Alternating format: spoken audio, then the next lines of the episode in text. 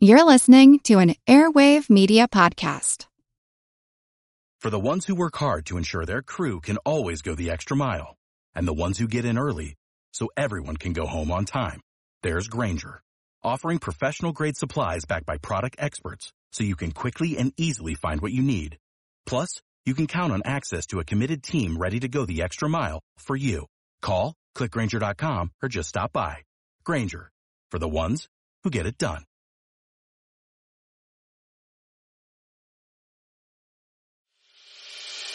As a longtime foreign correspondent, I've worked in lots of places, but nowhere as important to the world as China. I'm Jane Perlez, former Beijing bureau chief for the New York Times. Join me on my new podcast, Face Off, US versus China, where I'll take you behind the scenes in the tumultuous US-China relationship. Find Face Off wherever you get your podcasts. This is Kick Ass News. I'm Ben Mathis.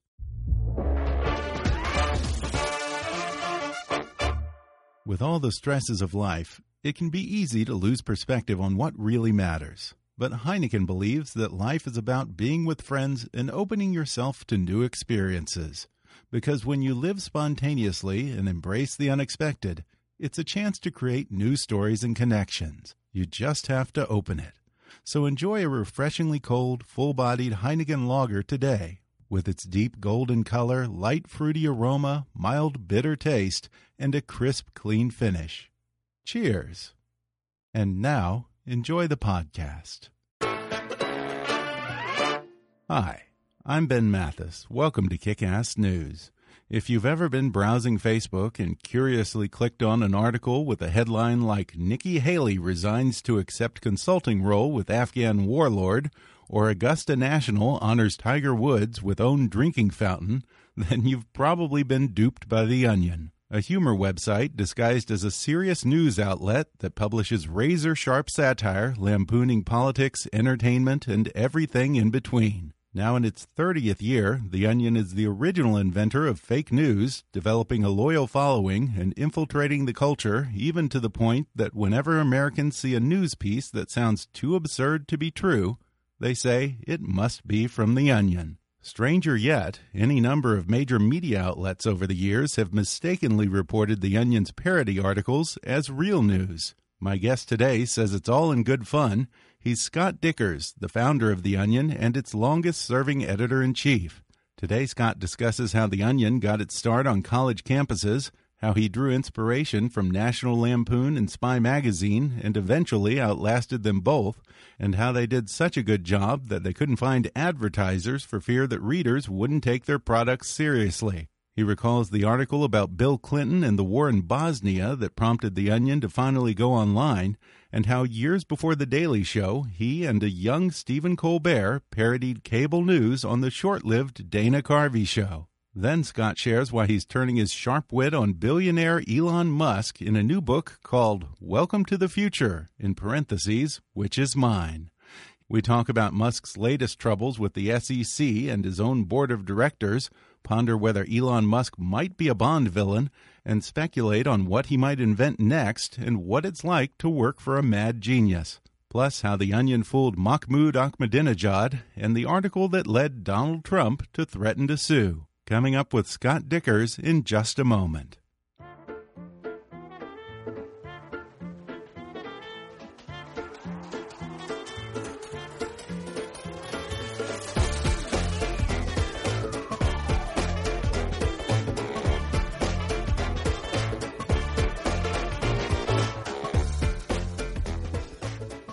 Scott Dikkers is the founder of the satirical website The Onion and is the publication's long serving editor in chief. He currently heads the Writing with the Onion program in partnership with The Onion and the Second City in Chicago. He's also authored a number of bestsellers, including Our Dumb Century, which hit number one on the New York Times bestseller list and earned him a Thurber Prize for humor writing. Now, Scott Dikkers lampoons Elon Musk in his new book, Welcome to the Future, Which is Mine, by not Elon Musk and Scott Dikkers. Scott, thanks for coming on the podcast. Thanks for having me, Ben. You sum up my life pretty good. Make me sound pretty accomplished there. Well, and I did leave out one thing. Apparently, it says here that you won a Peabody Award. Is that right? Yeah. The, so the Peabody is not awarded to people; it's awarded to work. So the the online videos that we did, that I was the executive producer of, and was very heavily involved in, one. So yeah, what the heck? I won the Peabody. We'll just go with that. Did you ever think there was a Peabody Award in your future? I really did not. We used to joke about winning a Pulitzer, and we found out, I guess, a few years after that we were a finalist for the Pulitzer after our 9 11 issue. But all these sorts of like, you know, legitimate news accolades is crazy. But that's where we we live in the upside down, so it's all good. And I mentioned that The Onion is a satirical website. Just in case a few of the people listening don't know what I'm talking about, here are a couple of the sample headlines from The Onion today. Lindsey Graham dining alone at Applebee's kind of wishes protesters would come heckle him. and here's another one uh, Kavanaugh impressed by hazing rituals before they let you join the Supreme Court. and I should specify like there's a lot of fake news out there, like satire that comes in news parody format um, they're all copying The Onion because we came first. And so uh, I'll take full credit for all these problems that we're having in the world today. The Onion practically invented fake news in the sense that it was literally making up news. Uh, do you get annoyed when that term gets applied not to deliberate satire like The Onion, but to legitimate news sources like the New York Times or CNN? Yeah, yeah. No, I get I get annoyed by that, and I get annoyed by, and not to say that those uh, news organizations don't have their bias. That's part of what the Onion is lampooning is how we're all humans and we all have a bias, and you have to know that going in. But it really bothers me when people put out propaganda as news, like they did during the 2016 election, like Russians or who knows what else, and then they put um, the word satire on it because they're just conflating satire yeah. and fake news, which is in their case just pure propaganda that's uh, trying to fool people on purpose which the Onion never tried to do. We just tried to entertain, and then if people were fooled by it, well, that was just funny, and they were punked, and they would um, uh, they'd get a good laugh once they realized that they'd been punked, and uh, nobody gets hurt. Uh, yeah, and how did the Onion get started? It, it was a college paper, right? Yeah, it was just a college newspaper in Madison, Wisconsin. Circulation about fifteen thousand, and it started in 1988 with no money of any kind, and it didn't make a lot of money for the first few years. And we just tried to put together. I became owner editor as of about year two. I had been involved since the beginning. And we just tried to collect a bunch of funny people around town, and there were surprisingly a lot of them, and formed this really close knit group of, you know, just kind of misfits and people who didn't really belong anywhere else who loved comedy and loved making each other laugh. And we tried to put out the funniest thing we could. And we put out an issue every week during the school year. And we did this for many years and then started to make a little money at it, started to become kind of a going concern. People started to see it and appreciate it outside of Madison, Wisconsin.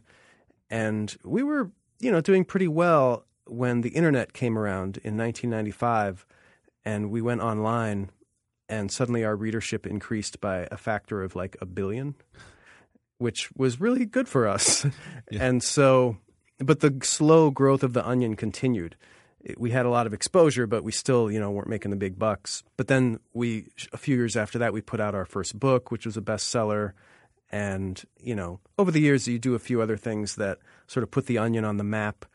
And I remember in the early years, it was very often that people hadn't heard of it, didn't know what it was, got very confused even when they saw it because it was kind of a new thing. Humor came in the form of magazines typically, like mm-hmm.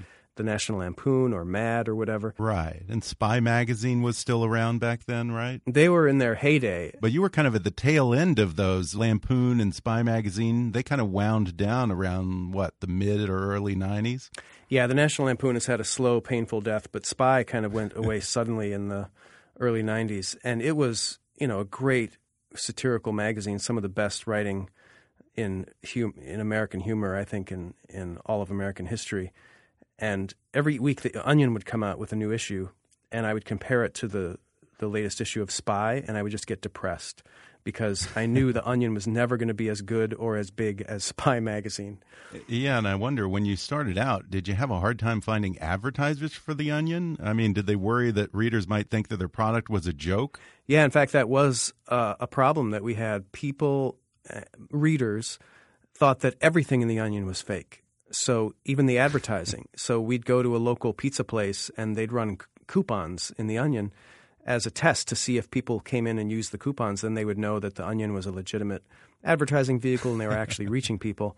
But since readers thought they were fake, they wouldn't use them, and this was so frustrating to us. Like we couldn't get through people's heads. Like why would we're already working so hard producing all the content? Why would we also make fake ads that are just uh, for our health? Like it didn't make any sense. But that's what people thought, and so we created the AV Club, which was the back half of the newspaper, which had actual movie showtimes and movie reviews and record reviews, which kind of legitimized the publication, made it seem like more of a real newspaper.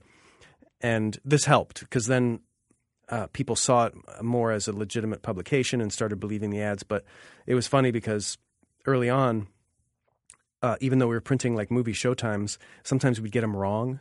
And so uh, I remember getting a call once. A guy went to the movie at the wrong time because he saw it in The Onion, and he was laughing on the phone, saying, oh, "You got me, The Onion! Great prank!" and I was telling him, "No, that was just a mistake. We're, we're trying to give you good information here." And, and, how long did it take before you realized that you were onto something with The Onion? I mean, I thought we were onto something by the early '90s, so you know, mm. maybe four or five years into it. But even before that, it was always fun and it was a total labor of love, even though there was really no money to be made. It seemed like it could make money because people liked it and it was it had a business model, you know, we sold advertising and that wasn't my department. My department was coming up with the jokes. But yeah, when it started to make a little bit more and you know, we uh, started to pay people a little more and even though some people like, you know, the in-laws, for example, are confused by it and like, what? What is? What are you doing for a living?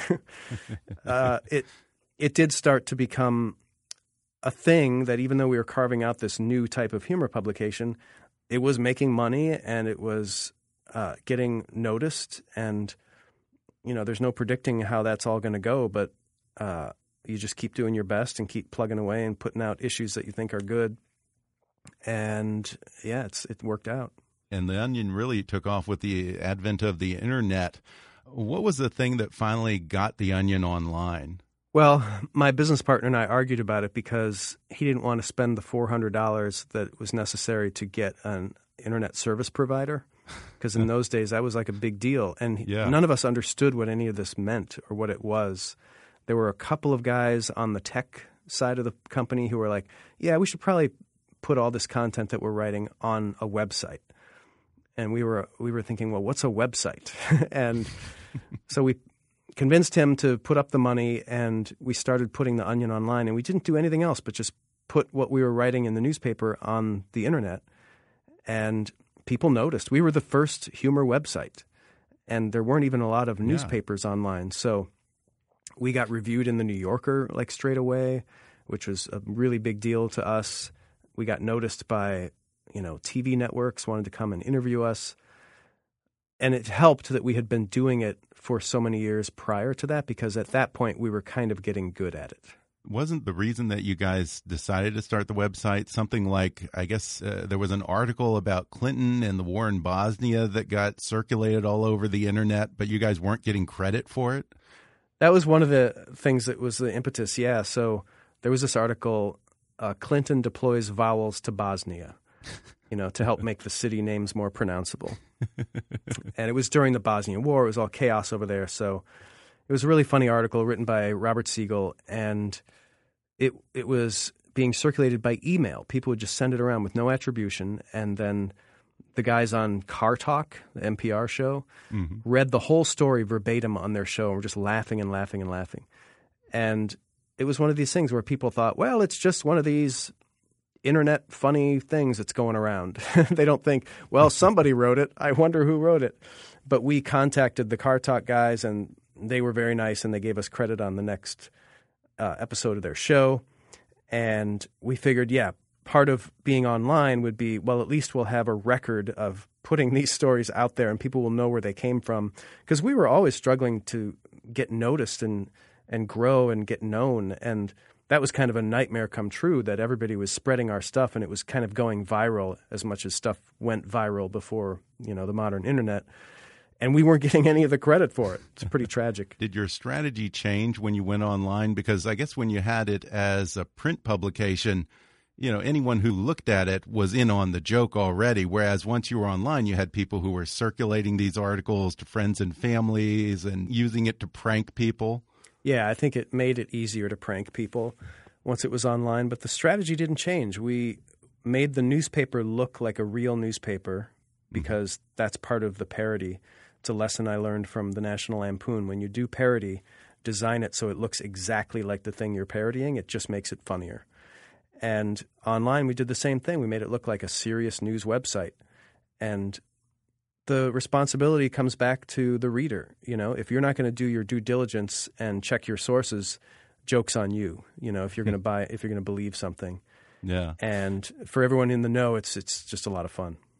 Now, did you get more fun out of the cases where the reader was in on the joke, or was it more fun for you when you were able to put one over on them? It is always an extra layer of joy when people, especially people who should know better, are yeah. taking onion stories seriously, like people in Congress or you know foreign governments. You know, the government of China has taken really? our stories and believed them. Um, the government of Iran, like uh, Ahmadinejad, was quoting a poll in the Onion that showed that he was more popular than Obama at one point, and he was very proud of that. You're kidding. So yeah, no, it's true, and that that is fun. It is super fun when that happens. Just adds another layer to the humor. Uh, who's the biggest person in Congress that you fooled? I can't remember. You know, there's a website called Literally Unbelievable that mm-hmm. catalogs mm. all the uh, times where the onion was taken seriously by people, and I'm sure some of those incidences are there. And there's a Reddit, a subreddit I think uh, not the Onion. I think it's called. Yeah, uh, that does the same thing. So people can look that up. It's really fun. Yeah. Now I think around the same time that you guys went on the internet, that was about the time that you did some spoof segments for the legendary but short-lived Dana Carvey show, working with Robert Smigel of SNL fame and a young Stephen yes. Colbert, who was the news reporter, right? Yeah, yeah. Boy, that's awesome. You remembered that. So. Yeah, I was contacted by uh, Robert Smigel because uh, he loved The Onion, and I had actually tried to get a job on the Conan O'Brien show a couple years earlier um, by sending, you know, The Onion. So they all knew about The Onion. And I'm glad I didn't take the job, by the way. Not that it wouldn't have been pleasant, but I'm glad I stayed with The Onion longer. And they wanted to do an Onion news segment on the show. And so they bought a few Onion stories. And yes, Stephen Colbert, a young Stephen Colbert, was the guy who read those stories. And it was the first you know fake news that he read. And then what's so funny, it all comes around when he uh, worked at the Daily Show. The executive producer was Ben Karlin, who used to be the assistant editor of The Onion, who co-created the Colbert Show with him. So we're all kind of intertwined. Small world. Did you see the documentary that they did on the Dana Carvey show? Yeah, that was really fun. And there's a little clip of Stephen Colbert reading that Onion news on the doc as someone who was involved, I mean, the whole purpose of that documentary was trying to figure out how they could have so much talent on that show and yet it failed. Uh, do you have any theories on that? Yeah, it was just bad luck. They were they were put at the wrong time. They were in prime time on a network, on kind of a family network, and they did this skit that I thought was really funny, where Bill Clinton had uh, six breasts like a dog, and he breastfed all these puppies, and Dana Carvey was playing Bill Clinton and I just thought it was delightful and funny. I remember watching it live. And then the next day, like the world reacted in horror and just thought it was way too over the top, offensive, or whatever. And I just thought it was funny. You know, yeah, some of those funny. guys like Louis C.K. and um, uh, all, some of these other writers on staff knew what was funny. Like they were going for the jugular, and they they know that animals are funny because they're unpredictable, and uh, shock humor like that is funny. So, you know, good quality people. Steve Carell was on the show, yeah. and so a lot of the material was great. But after that hit, they just never recovered. Yeah, that first hit. I think it was the first show, and I remember like we stopped talking to them after that first show because they were literally just dealing with the onslaught of trying to keep up and save their show from sponsors cutting out. I assume that you must have had a lot of talent that's worked on The Onion over the years. Are there some writers who've gone on to big things? Yeah, no, that's one of my biggest points of pride. So, almost on every TV show, you know, there are Onion writers because so many people have worked for us in even a freelance capacity. But some of the some of the ones that you might have heard of are so Ben Karlin was the executive producer and showrunner of The Daily Show and The Colbert Show. Mm-hmm. Rich Dahm was also at The Colbert Show, and he worked on uh, The Middle, uh, which is a network TV show. Ellie Kemper, who's the star of Unbreakable Kimmy Schmidt, she yeah. uh, was a writer for us when we were doing web video. So was Chris Gethard, who has his own oh yeah uh, show, and um, Chris Kelly was one of our writers, and he went on to become the head writer of SNL. Not bad, not bad and, at all. Yeah, Rob Siegel, who I mentioned, who wrote that Clinton uh, deploys vowels to Bosnia piece, he became a screenwriter and uh, wrote a couple of excellent movies. Uh, one of which uh, was nominated for an Oscar, The Wrestler with Mickey Rourke. Now, I wonder about some of the close calls you guys have had over the years. Um, have you ever had an Orson Welles War of the Worlds moment when an article in The Onion caused some kind of mass panic? I wish we had. Yeah, that would have been awesome. Uh, no, so we did have a front page once that had a giant like 80 point type headline that simply said panic exclamation point. and nobody panicked, nobody cared. but no, so there have been a few, you know, instances where something in the onion was believed on a really wide scale. Mm-hmm. Like what? Uh, probably the biggest was the onion story about this new abortion plex that was opening. It was like the Mall of America for abortions. and you know, sometimes you write stories like that that inflame a certain very passionate political fringe. Yeah. And so they'll glom onto that and they'll say, see? You know, and that's part of why you do it is to sort of goad them. But that one really took off because readers took the ball and ran with it and they created a website for the abortion plex where you could go and leave reviews. You know, I was in and out in two minutes. Great abortion experience. You know. Oh, really? And it was just all created outside of um, us. You know, we just wrote the story, yeah. and uh, it just took on a life of its own. Interesting, like fan fiction. Yes, yes. We're going to take a quick break, and then I'll be back with more with Scott Dikkers when we come back in just a minute.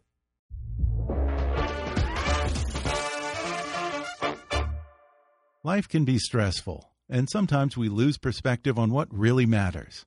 As we rush to achieve all the things we want in life, it can be easy to forget to enjoy the smaller moments along the way. But life isn't about following a common path or having a set plan. It's about being with friends, celebrating with loved ones, and living in the moment. Heineken believes that you create the richest memories when you embrace the unexpected and open yourself to new experiences. That's why Heineken encourages everyone to live spontaneously. Because when you embrace the unexpected, things like exploring new parties, enjoying the summertime, watching exciting soccer matches, and celebrating the holidays with your family all become chances to create new stories and connections. You just have to open it up. So enjoy a refreshingly cold, full bodied Heineken lager today with its deep golden color, light fruity aroma, mild bitter taste, and a crisp, clean finish. Cheers. Folks, I'm so happy to have Bombas as a new sponsor of the podcast because I'm a huge sock guy. I know that sounds weird, but it's true.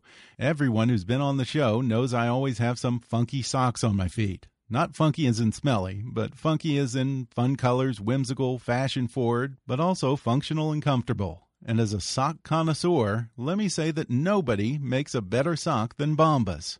Thanks to two years of research and development and multiple improvements in design, performance, and comfort, Bombas are the most comfortable socks in the history of feet. With an arch support system that provides extra support where you need it most and a cushioned footbed that's reinforced for comfort without added bulkiness, Bombas feel like a hug around your foot. Not to mention, Bombas Stay Up technology ensures that your socks stay in place without leaving a mark and the super soft cotton material makes you never want to take them off. So whether you're a runner, power walker, or power lounger, that's me, there's a pair of Bombas that'll add comfort to your life. As a matter of fact, I'm wearing a pair of purple Bombas Marls calf length socks even as we speak. They come in every color of the rainbow, and I ordered them all because they look great and they're easily the most comfortable socks I've ever owned. There's a good reason. These socks are scientifically engineered for comfort. Think about that. How much time do you spend trying to find a comfortable pair of shoes? Now ask yourself how much thought you've ever given to your socks. Socks go on your feet too, folks, and if you're suffering from tired feet, consider this. Maybe you've got the right shoes, but the wrong socks. You owe it to your feet to find out what a perfectly engineered sock feels like. Take it from me, they're a game changer. Go to bombas.com slash kick and use the code KICK for 20% off your first order. That's Bombas, B-O-M-B-A-S dot com slash kick, code KICK, and you'll get 20% off your first order. And now, back to the podcast. Do you find that you have to tread a thin line between satire and either being offensive or being too cynical? Or, or do you think that, you know, if someone takes offense at something that's in the onion, then they're probably not your audience anyway? Yeah, I personally have never worried about that. I think most of the other writers at The Onion, there's a culture there where we don't care about your sensibilities. Like, we're going to say what we want to say, and if you don't like it, you can read something else. Mm -hmm. You know, mm-hmm. that's the way it should work. Um, sometimes when something is going after the wrong target, it can be really offensive and just wrong headed or whatever. But if you if you're writing good satire and you, your target is uh, a worthy target, you know, you can say anything you want. And we're historically have all been very cynical people. Yeah.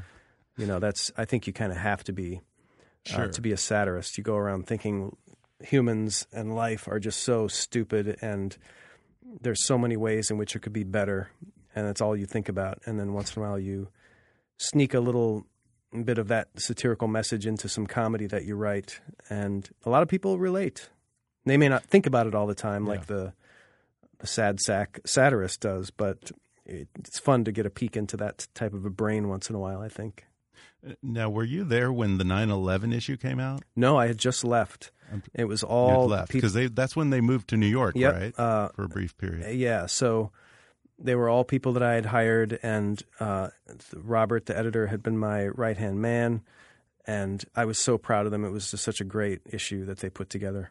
Yeah, and it was pretty brave because I remember in those days immediately following 9 11, comedians weren't just talking about whether they can talk about 9 11. People were asking, when is it going to be okay just to be funny? Mm -hmm. When is it going to be okay to laugh again? Yeah, and I think we, we had a, a good experience producing our book just a few years before that.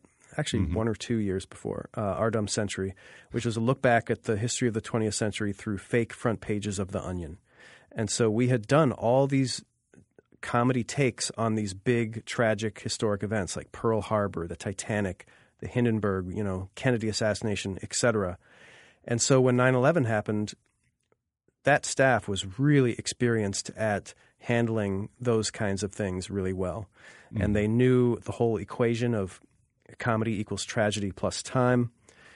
And we had played with that in our book and it was so interesting when you make a joke about the Titanic, nobody cares because it's 100 yeah. years ago. But then you get up closer to the present. We're making jokes about the uh, the federal building explosion in Oklahoma City, which happened just a couple years before that book came out. But when you put them all under the same cover, you kind of have to treat them the same. You can't treat one with kid gloves because it was more recent. And that's when we realized the the real formula is comedy equals tragedy. Period. Like huh. if you want to add time or distance to that equation, maybe that'll make it more appropriate to some people or other. But we knew that by hitting the right target, you can do comedy at any time. So yeah. when 9 11 happened, everybody was thinking about 9 11. What else are you going to write about? But the stories weren't making fun of the victims, they weren't doing anything like that, weren't making light of the tragedy. They were cathartic. And one of the articles was terrorists surprised to find themselves in hell. and the whole article was just this totally cathartic description of how these terrorists were being tortured in hell. And it was just really fun and delightful to read, you know? Yeah. Now, uh, The Onion's been sued a number of times, I think. At one point, didn't you get sued by Donald Trump even? I need to correct you there. The Onion has never been sued. We've Okay. had Threatened? threats of lawsuits a Okay. lot. Okay. Yeah. So Donald Trump did threaten to sue the Onion at one point. We made some joke about him having a small penis. It wasn't a particularly great joke or anything, but he did not like that. So we got a letter from Michael Cohen, and this is back in 2013, I want to say Yeah. saying that Donald Trump is an important businessman and he, he is not to be made fun of, and you must take down this story immediately. It's a disgrace, etc. And we, like in any case like that, we ignore the letter and just keep doing what we're doing. But he doesn't give up. He writes back, and then he starts calling, and he's calling our CEO Steve Hannah at the time, and just bugging him about this issue and threatening to sue. And we know they don't have a leg to stand on because there's this thing called the First Amendment for now. Yeah. That we can print just about anything we want as long as you're making fun of a public figure and you're not defaming anyone.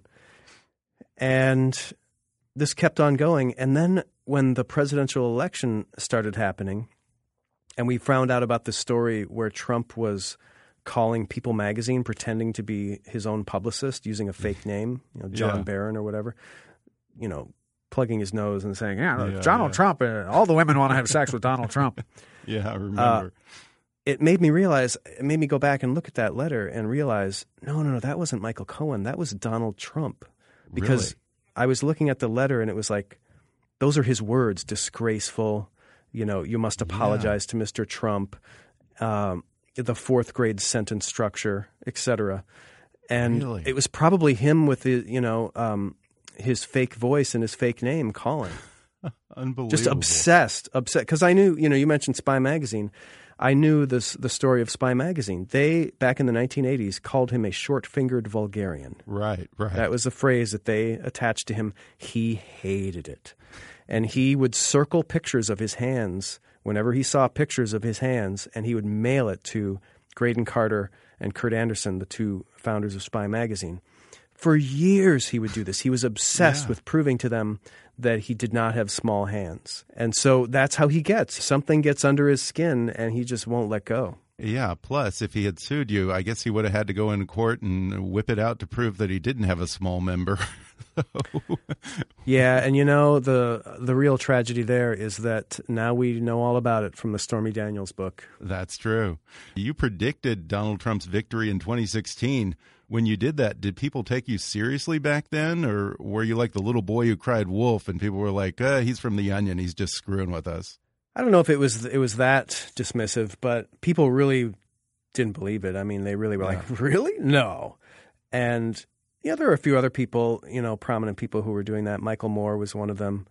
And yeah, I wrote this book called Trump's America. Buy this book and Mexico will pay for it.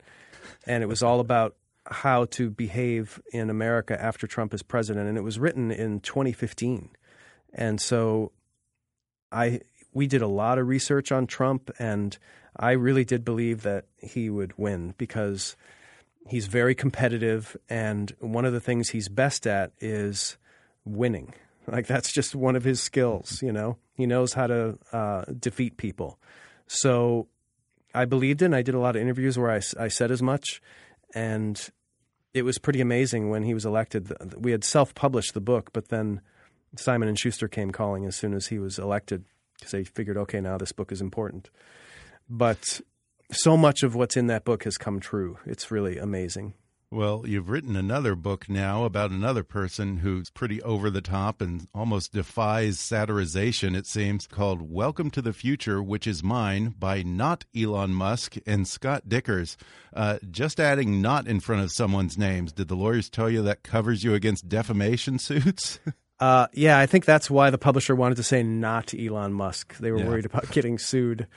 And I was trying to explain to them, no, no, no, you don't understand. If he sues, that's great for us. Think of the publicity. But their lawyers aren't thinking that way. yeah, yeah, I'm So- sure. Now, what attracted you to Elon Musk?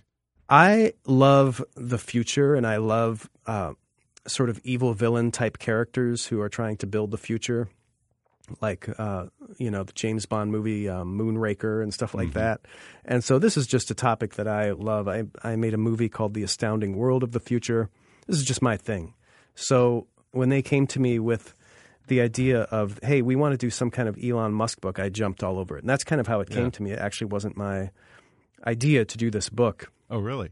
Yeah, so that'll happen sometimes. Usually, I get the idea for a book and I write it and I try to publish it either by myself or with a publisher. But some, on rare occasions, sometimes a publisher will come to me and say, you know, through my agent, we really think there should be a book about Elon Musk. And I, I normally don't do those books, but this time I was like, oh yeah, totally, there should be an Elon Musk book. And there's more predicting of the future, and I just think a lot of these things are going to come true.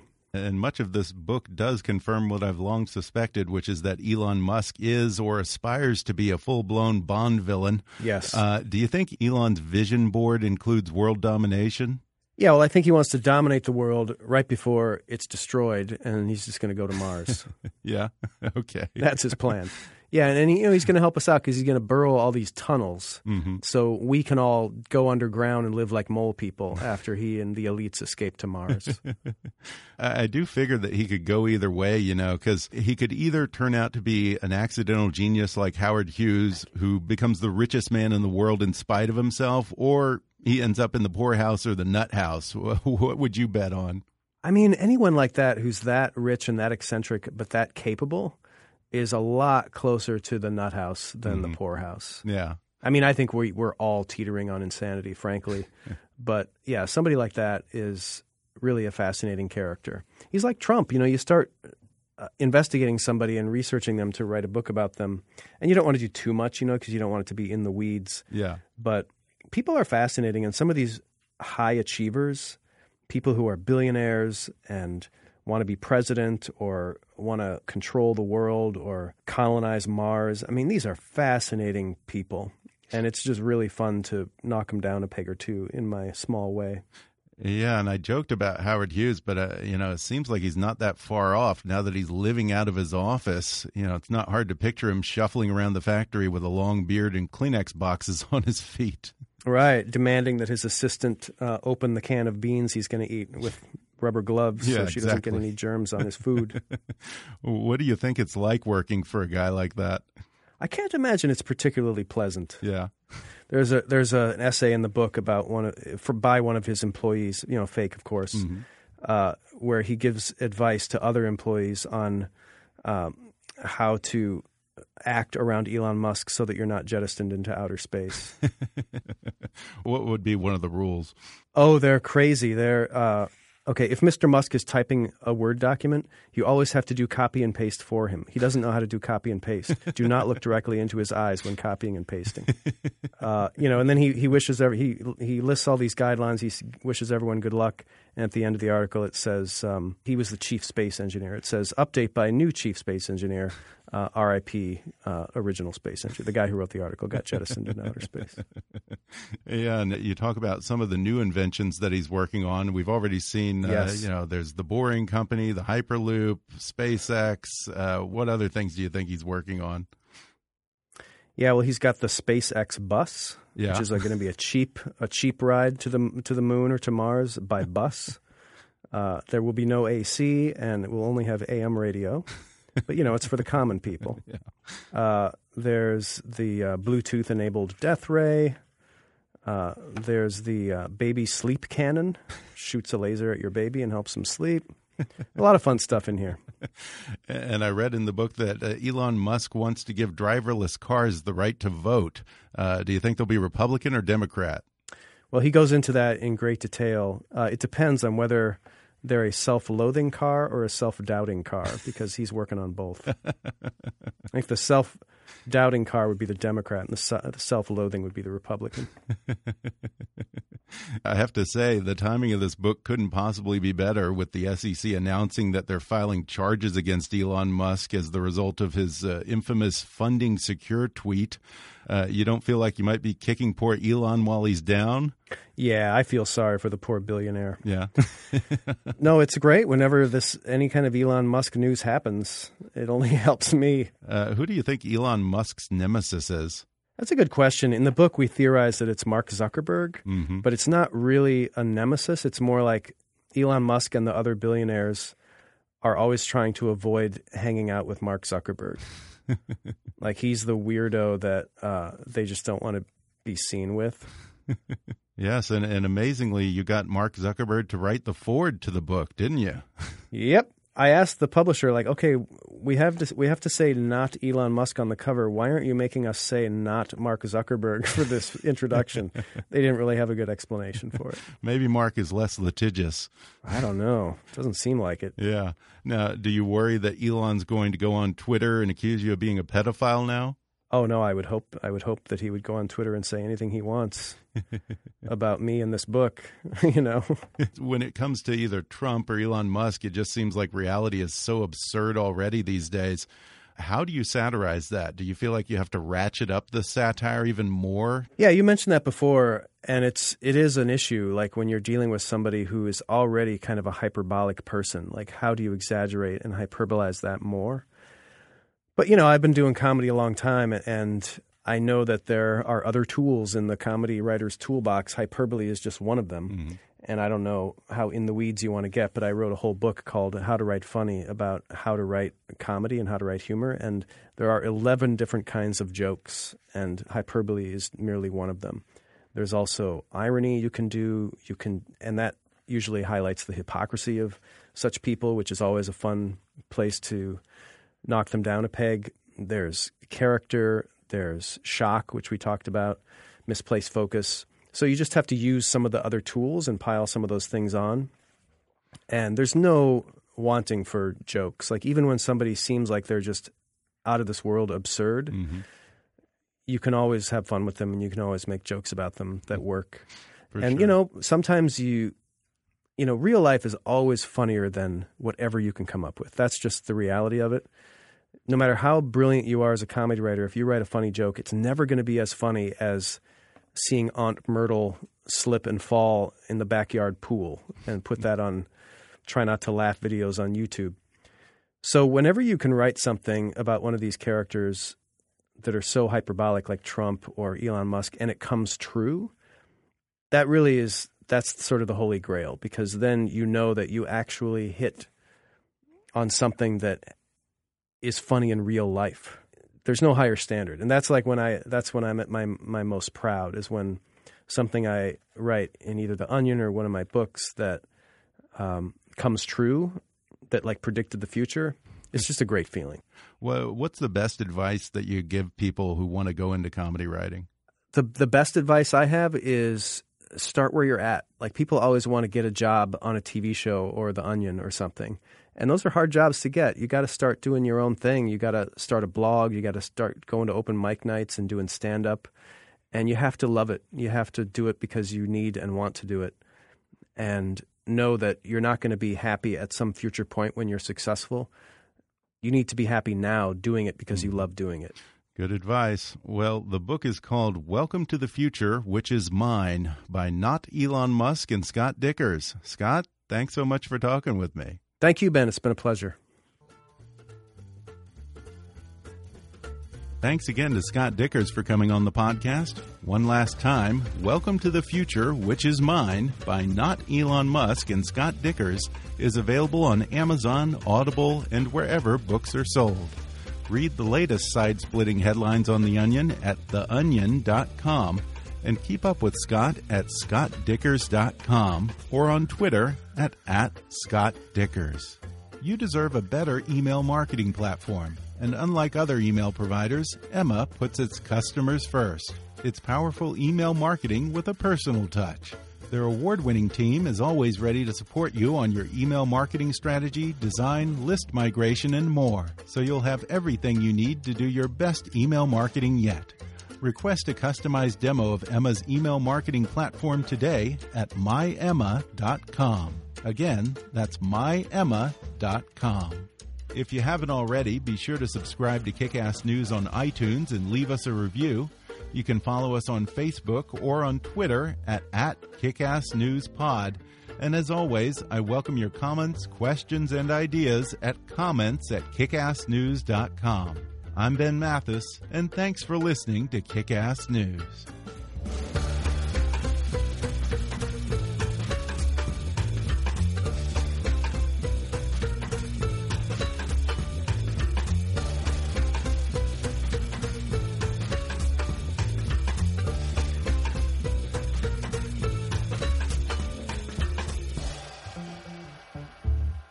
Kickass News is a trademark of Mathis Entertainment, Inc.